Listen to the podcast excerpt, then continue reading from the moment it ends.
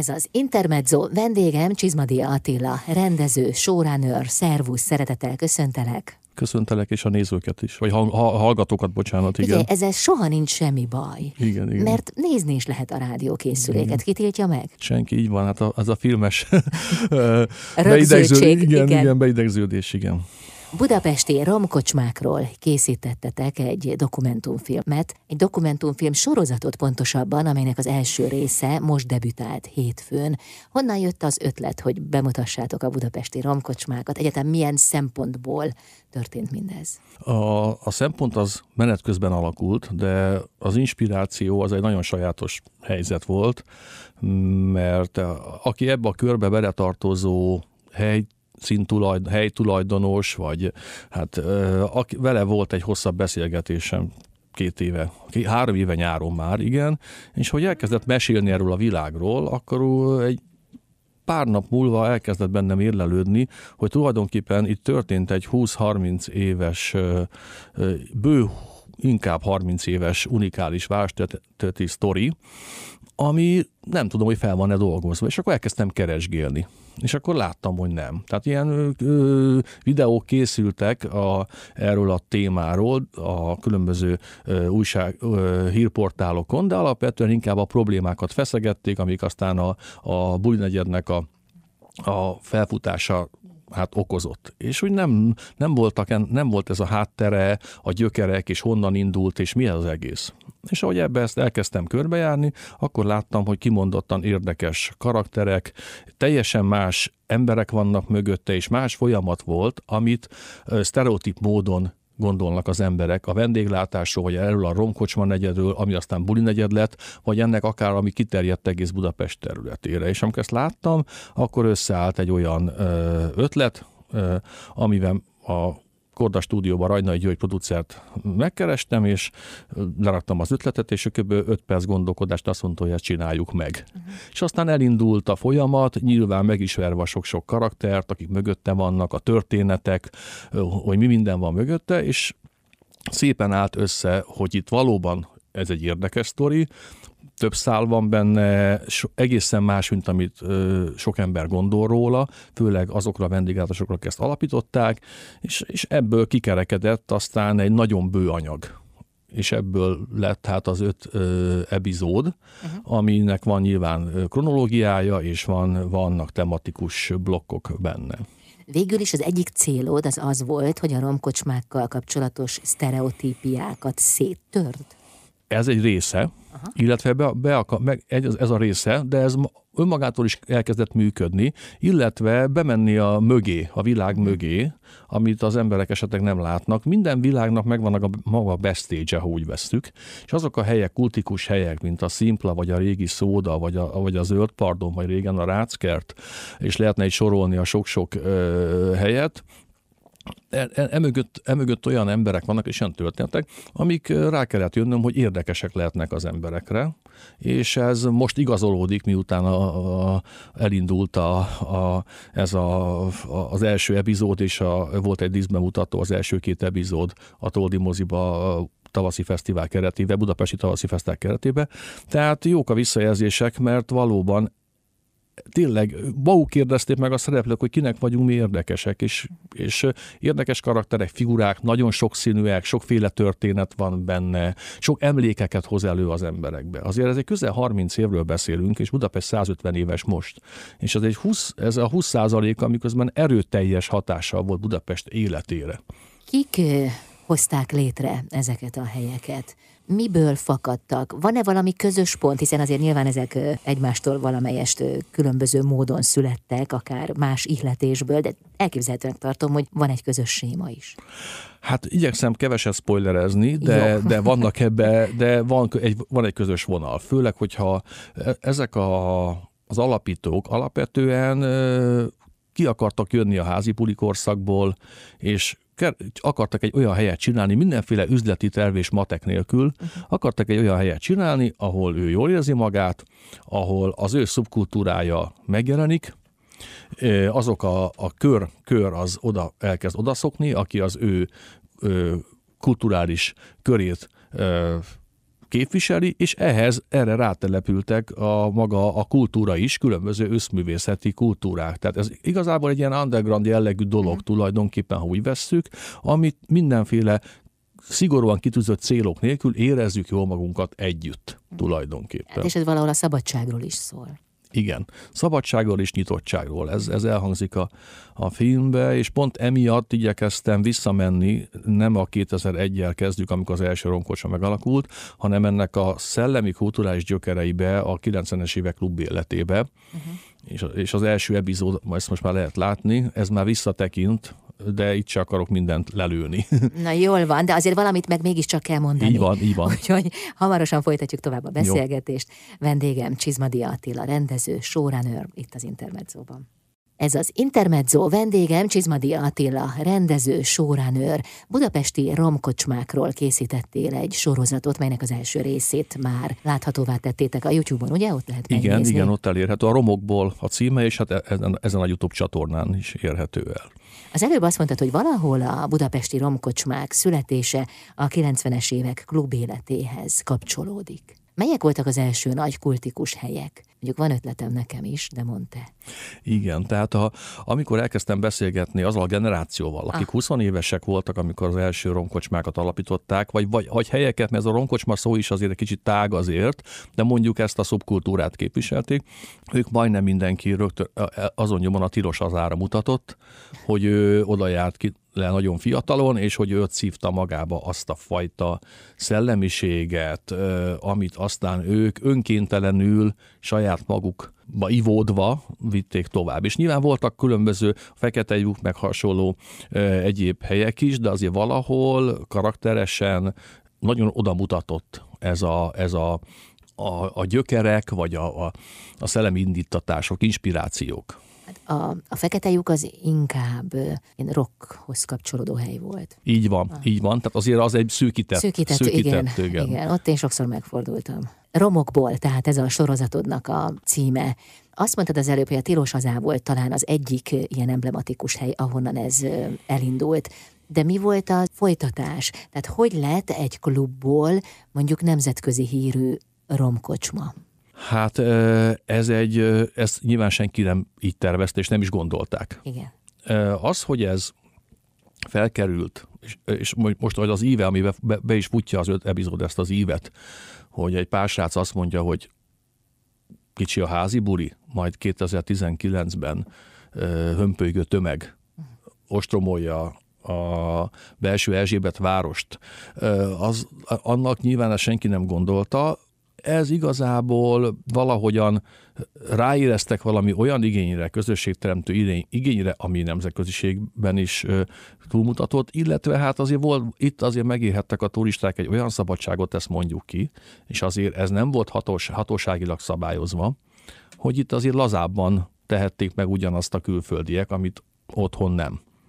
És ezért kezdtek el aztán a külföldiek ö, ide szokni, de ez ebben mélyebben belemegy a film, de ez, már igazából az, a, a, a későbbi epizódoknak a, a története, de az, hogy ez a folyamat, ez a bizonyos folyamat, hogy hogyan lett ebből a párhelyből egy ekkora szubkultúra, ez szinte észrevétlenül történt tulajdonképpen, és ez ki is mondódik a filmben, tehát ez is szinte észrevétlenül valamire ráéreztek egy hiányra az alapítók, akik csak egyszer jól akarták magukat érezni, és sokszor ez nem mindig logikus, hogy ez mitől lesz ilyen. Az biztos viszont, hogy Budapestnek nem volt vigalmi negyede. És ezt mondjuk ki, és eh, ahogy a, a második világháború vége előtt, vagy ahogy elkezdődött, Budapestnek volt vigalmi negyede, közte a belső Erzsébet város, kimondottan az volt, tehát az természetes volt akkor az embereknek, hogy vannak ilyen területek Budapesten, és ez megszűnt évtizedeken keresztül, és tulajdonképpen ez a hiány, ez a hiány, ez, ez önmagát elkezdte generálni, hogy, hogy valami hiány volt Budapesten. Na de az a Vigalmi negyed más réteghez szólt, mint a mostani. Hát ez meg, eznek az az oka, hogy eltelt 20-30 év, ahogy változik a, a generációk, változnak mások az igények, más, ha azt nézzük, hogy most nagyon felgyorsult a generációk közötti váltakozás, ez valahol megjelenik egy ilyen vigami negyedi igényekbe is tulajdonképpen, hogy kiöregszik az a nemzedék, aki ezt megalapította. Időzőbe teszem, mert még most sem úgy idősek, csak hogy már mások az ő igényeik, más, más életmódot élnek, családapák, családanyák, tehát hogy egészen más a helyzet, és ahogy léptek be az újabb generációk, úgy mindig alakítottak ezen. Ott van például a madástér, egy, egy külön szubkultúra, ami a filmben ezzel dolgozunk, ahol egy újabb generáció már egy másik fajtát teremtett meg, ugyanezeken a gyökereken tulajdonképpen. De az előbb te egy szegmensét említetted, a külföldi turisták olyan mennyire szeretik ezeket igen, a helyeket, igen, de közben a romkocsmákhoz nagyon erős alternatív művész közösségek is kötődnek. Igen, nyilván ez változott. Ezt azért el kell fogadni, hogy minden, ami underground, az mainstream lesz. Óhatatlanul. Ez a baj. Igen, nem? de hát ez, ez valahol, igen, ezt mondhatjuk bajnak, de közben mindig így van. De szerinted egyébként az underground alkotók törekednek a mainstreamre, vagy pedig egyszer csak így megtörténik, hogy ott találják magukat? Én azt gondolom, hogy az underground kultúra még egy, nem az alternatív, mert sokan keres, Aha. keverik ezt, mert mondjuk hívjuk az alternatív, meg underground most valahol indul egyfajta szűkebb réteghez szóló szubkultúra, majd amit, amikor el, egyre többen elkezdik követni, már nő a létszám, bármitről beszélünk, legyen az művészet, zene, vagy bármi, akár ez is a, ez a dolog. Egyre többen vannak, majd amikor már egyre többen vannak, akkor óhatatlanul megjelenik a pénz, hogy hoppá, hát ezt már egyre többen szeretik, akkor most már rakunk bele pénzt, és egyszer csak a mainstreamnél vagyunk. Akár nézzük azt, hogy a, akár a pánkok kis klubokban voltak a 70-es évek végén Angliába, majd egy punk zenekarrá pár év múlva már egy arénába lépett föl, mert meglátta benne a lemezkiadó a pénzt. Tehát az ugyanez itt is megtörtént, de ez minden esetben általában így van, és valahol mondhatnánk, hogy a életrendje, vagy nem tudom, minek hívjuk ezt. Igen, csak akkor már ez nem ugyanaz, mint ami volt. Nyilván, nem is tud ugyanaz lenni, hmm. mert ma oda megy egy 20, 20 éves, neki mások az elvárásai, mint amikor 20 éves volt 2001. október 5-én a Simpla alapító csapat. Igen, csak arra gondolok, hogy abban az értelemben sem ugyanaz, hogy egyszer létezett egy underground kör, még nem kinövi magát mainstreamé. Hát már nem ugyanazt adja, nem ugyanaz a, a szimbóluma, nem ugyanaz a világ veszi körül. Tehát az egész akkor már megváltozott. Változik, változik, miközben, miközben azért maradnak, maradtak helyek még az Erzsébet városon belül is, de, de, de ugye ez az kitekint azért a film a kerületből, mert ez már egész Budapestre hatott, uh-huh. tehát, tehát inkább egy városi jelenségnek mondom. Tehát egyrészt még mindig vannak olyan helyek, míg a negyedbe is, vagy azon kívül, amelyek ezeket próbálják őrizni, Aha. tehát még, e, de az ugye csökkent a számuk nyilván, illetve jönnek újabb generációk, amikről még sokan nem tudnak, és ez egy újabb film története lenne, ahol már a mostani 20 évesek elkezdték a magukét már csinálni, és erről én, nekem vannak információim. Nekem is. Igen, igen, tehát hogy ezek már vannak, és uh-huh. annak a minta alapján óhatatlanul, még ha nem is mondják ki, vagy észre se vették, de maguk is elkezdik, tehát ott is el, el, elindult, elindult már a maguk. Igen. Tehát ez egy folyamatosság. És ott is megjelent már ez a különleges világ, ami az övék, ami egy szubkultúra világa. És Így van. Lehet, hogy egyszer mainstream lesz. Így van. Tehát és ez, ez egy természetes folyamat, ez a, ez a régen minden jobb volt, ugye ezt felejtsük el, mert akkor miért nem ugyanabban élünk, ha az annyira jó volt. Tehát, hogy igen, igen. Na, beszélgetünk tovább, jó? Szó lesz még eh, különböző budapesti romkocsmákról is, illetve azok történetéről is. Vendégem Csizmadi Attila, rendező, showrunner itt az Intermedzóban. Romokból címmel látható a YouTube-on egy öt részes dokumentumfilm sorozat, amely a budapesti romkocsmákat veszi górcső alá. Az első rész már látható vendégem Csizmadi Attila, rendező, showrunner. Attila, te fejedből pattant ki ez az ötlet, hogy ezt létrehozd?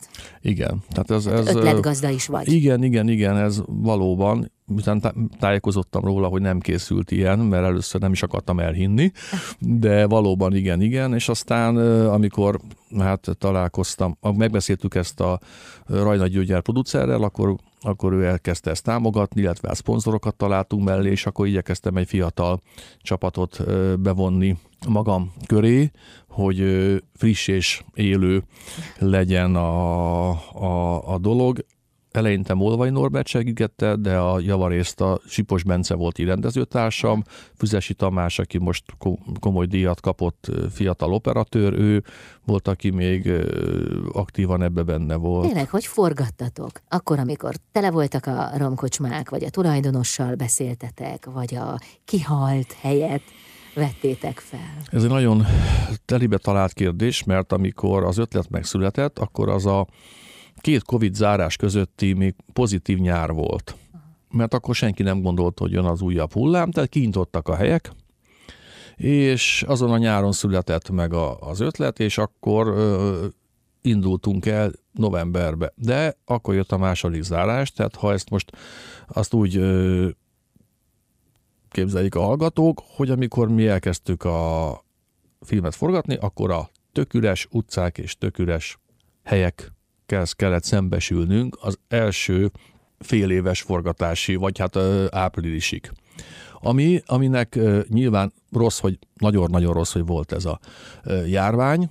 Közben meg a filmnek meg azt adta, hogy ezek az emberek, akik már a 19-es csúcsonjáratot világban voltak, és meg sem álltak, és, és dübörgött az egész, és nagyon rohangáztak, és el voltak foglalva, akkor nem biztos, hogy meg tudtam volna így állítani őket, és visszaemlékezni a múltra. Viszont most ezt úgy, ez majd látszik a filmben, hogy képzeljük el egy tök üres szimplát, ahol a vezetője egyedül ül egy széken, és szomorúan néz körbe, hogy ez van, és amikor őket fölhívtam, hogy mikor értek rá, mondták, hogy bármikor, uh-huh. és bármeddig. Tehát e, ez itt volt egy ilyen sajátos, és akkor belérkeztünk a, nyit, a nyitásnak az örömébe, az újranyitásnak, az is, és, és tulajdonképpen ez adott ad az egésznek, a tematikának is, ami, amit az élet írt, mint egy, egy, egy ilyen drámai mű, tehát az élet írta ezt valahol, hogy ennek azért volt ilyen jellege, hogy mi bele szaladtunk a teljes zárlatba. Uh-huh. Mi a különbség a budapesti romkocsmák között, amelyekkel foglalkoztatok? Ugye az egy nagy közös dimenzió, hogy budapesti romkocsmákról van szó, de azért ők is különböznek egymástól. Így van, meg ez a romkocsma fogalom is egy nehéz dolog, meg Aha. buli negyed. Ők nem is nagyon szeretik.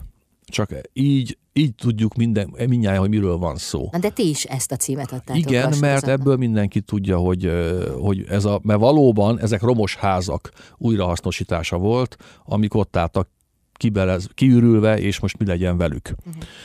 Tehát tulajdonképpen igen, valóban, ha valami közös, hogy ezek a, ezek a akkor fiatalok meglátták azt, hogy itt van egy űr, van egy pillanat, amikor a, egy közösségi igény fellépett, egy már nem, még nem állapotot, és ezt képviselte egy ingatlan állomány is, ez a nagyon ö, már nem, még nem, tehát ott állnak romosan, és még nem történt velük semmi. És ezt a pillanatot ők megragadták ösztönösen, és ebből lettek, hogy valóban a lepusztult házakba ők életet vittek, és újra teremtették, újra teremtették annak a funkcióját. És ebből van nyilván hasonlóság ilyen szempontból, és a mai napig megtörténnek ilyenek, mert még az utolsó epizódban jelenben is megtörténnek ilyen újrahasznosítások, de ezeket most nem akarom elmondani előre, de hogy igen, ezek vannak, tehát valahol ez a közös bennük, hogy bizonyos funkcióra épp adott helyzetben alkalmatlan terekbe ők egy új funkciót vittek. Ennek valahol életet leheltek. Életet. Így van pontosan. Bele. És milyen speciális kapcsolódások jönnek létre ezekben a romkocsmákban? Hát ez nagyon vegyes nyilván, és ennek korszakai is vannak. Aha. Nyilván a hőskorba, ott, ahogy mondtam, egy, egy hasonló gondolkodású rétegnek a, a mindennapjait adta szinte. Ez a, a, akkor még az a páromkocsma. Tehát ott nyilván ezt ott adott megnyilvánulás művészetit bármit. Ez egy nagyon hasonló volt azért az, az elején, ami aztán sokszínűvé vált utána, hogy ez változott ez az egész, különböző funkciókat is váltottak a különböző ö, helyek, de azért a, a közösség, azért az a, a hőskorban nagyon ez volt. Azóta pedig ez sokat változott, ráadásul számos ismert személyiség is kapcsolódik ezekhez a helyekhez, akiket egyébként megmutattok a sorozatban is, majd róluk is lesz szó. Csizmadia Attila rendező a vendége itt az Intermedzóban. Ez az Intermezzo vendégem Csizmadi Attila, rendező, sóránőr, aki a budapesti romkocsmákat helyezte fókuszba. Romokból ez a dokumentumfilm sorozat címe, melynek az első része már látható. Na de van még négy rész, ami még nem. Attila, az előbb ott hagytuk abba, hogy több budapesti híresség is kapcsolódik ezekhez a romkocsmákhoz. Kik ők? Hát a, a kapcsolódást azt igyekeztünk kinyomozni, hogy ki kötődött ezekhez erősen. E, ott kezdődik, hogy a, hogyha már ismert személyiségről beszélünk, az, a filmnek a hostja, narrátora Péter Fibori, aki nagyon sokszor jelenlétével is jelen van a, a, a filmbe, és Love dalt is dudolgat, és de ez majd ki fog derülni a filmből. Tehát ő, ő aki ebbe, abba a korszakba ezeket a helyeket jól ismerte, és a tehát ő az egyik ilyen, aki viszont végig megy az öt epizódon. Akiket mi megkértünk, valamilyen több generációt próbáltunk, és, és akik valamelyest kötődtek a, ez a világhoz, köztük Mónodi Eszter, aki a színveszítőre járva csak át kellett menni a másik oldalra a Rákóczi úton, és törzshelyei voltak ezek a ezek a helyek, ő nagyon mesél és sztorizik erről. Hát a Szabó Győző az meg teljes mértékben kihagyhatatlan volt, miután a, a Tilos az ában ő pultos volt, és, és tehát ő, ő a legauthentikusabban tud egy olyan helyről beszélni, ahova ő mint munkahelyre járt be nagyon fiatalon, tehát ő, ő ezért kötődik, és nagy örömmel vállalta, és, és alig tudtuk kivenni a pultból, mert újra ott, ott érezte magát a forgatás alatt, és mondta, hogy ő még itt maradna, mert hogy, hogy megint úgy érzi magát, mint akkor, és hogy kit kell kiszolgálni. Tehát nagyon élvezte a forgatást, és hát akik még így különböző formában kötöttek, vagy, vagy azért, mert egy adott körhöz tartoztak, Janklovics Peti Péter, aki Sirályba, meg, meg oda járt rendszeresen, vagy Makranti Zalán, aki, aki mind felhasználó, de közben a környék színházaiba rendszeresen, vagy a belgá, belgás Bauxit, akinek szintén voltak kötődései, emlékei, vagy, vagy Csemer Bogi, aki ott lakott a negyedbe, abban az, amikor éppen felfutott, uh-huh. és vagy Döbrösi Laura, akinek, aki egy másik generáció és nagy örömmel járt ezekre, ők megosztották velünk ezeket, vagy Kollár Clemens Laci, aki a, aki a Tilosba alapította a zenekarát, és tehát nagyon sok ilyen... Grecsózoli. Grecsózoli, igen, igen, aki, aki sokat járt ezekbe a... Ugye ezek a, a Nagy Zsolt, ő ő is abba a underground és alternatíva korszakában volt sokat ezekbe a terekbe, amikor ezek a terek, ezek a helyek szinteret adtak azoknak a kultúráknak, színházi előadásoknak is. Tehát ezeknek meg, és ő ezért autentikusan szólalnak meg. És fontosak voltak ezek a helyek, és jelentőségük volt. De mi a helyzet a nemzetköziséggel? Tehát most mennyire kedvelik a turisták a budapesti romkocsmákat? Hogyan változott ez a helyzet? Hát változatlanul. Tehát itt volt egyfajta félelem, hogy amikor a, a járvány után hogyan indul az egész. Nyilván nehezebben indult, és nagyon sok vendéglátós át is gondolta, hogy hogyan tovább, akik ezeket a helyeket működtetik. Hát a, ugyanúgy rajta vagyunk a turisztikai attrakció, mint térkép a Buli negyed. Ezt nem is nagyon szeretik a, a helytulajdonosok, hogy Buli negyednek hívják, de ez most már ez nem tud mit csinálni, mert erről így, így tudja mindenki, hogy miről van szó. Igen, felkerült egy olyan ö, a turisztikai attrakcióként a világ turisztikai térképére. Ebben nagyon sokat tett a Simple, ez kétségtelen, de több hely is. Megjelentek nemzetközi cikkek, újságírók vitték a hírt, nagyon nagy olvasottságú külföldi újságokba bekerült ez az egész, és aztán elindult egy folyamat, és aztán ahogy ment a híre, és hát ha ezt nézzük, hogy 2019-ben, amikor a, a legutolsó csúcs volt, akkor 2 millió ember ment be a szimpla taján egy év alatt, ami elképesztő szám uh-huh. egy év alatt, és most, ha oda mennénk esténként, de főleg csütörtök, péntek, szombat este a Kadinci utcába, akkor megint kígyózik a sor, és nem mondanák meg, hogy megint nem 19-ben vagyunk. Uh-huh. Áruld el nekem, hogy miért csak öt részt készítettetek? Hát egyrészt én azt azt gondolom, hogy ez is egy szép, hogy öt epizód. Persze, igen, de nem hogy, azért kérdezem, csak szerintem igen, lehetne huszat is. Igen, így van, ez nagyon, ez nagyon, nagyon érdekes, mert a bemutatón, amit mondasz, pont ezt a számot mondta, a Zsendovics Ábelt fölhívtuk a Toldi moziba a színpadnak kicsit beszélgetni, és ugyanezt a számot mondta, hogy ebből lehetne 20 is. Tehát úgy látszik ez a 20-as. Nem, volt, nem voltam ott, nem ott hallottam. igen, igen. Az a helyzet, hogy van bőven anyagunk, csak úgy gondoltuk, meg akartuk nézni, hogy hogyan reagál a, a hogyan fogadja a nézőközönség ezt, ezt megszeretik-e a mi hőseinket, tudunk-e majd tovább menni. Már most látszik. Tehát egy hét után látszik, hogy ez már most alig várják a következőt.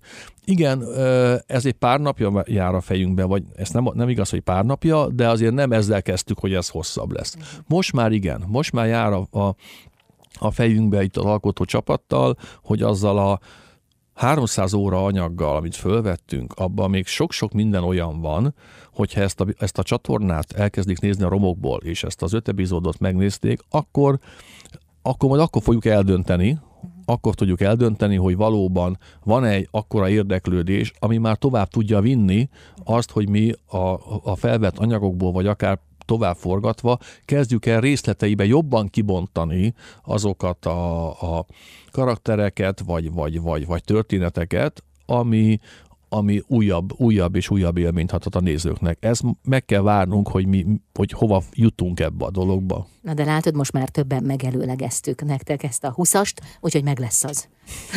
Köszönöm szépen. De sok sikert kívánok egyelőre az öthöz. Köszönöm szépen. Csizmadia Attila rendező, sóránőr volt a vendégem, a Romokból című dokumentumfilm sorozatról beszélgettünk itt az Intermedzóban.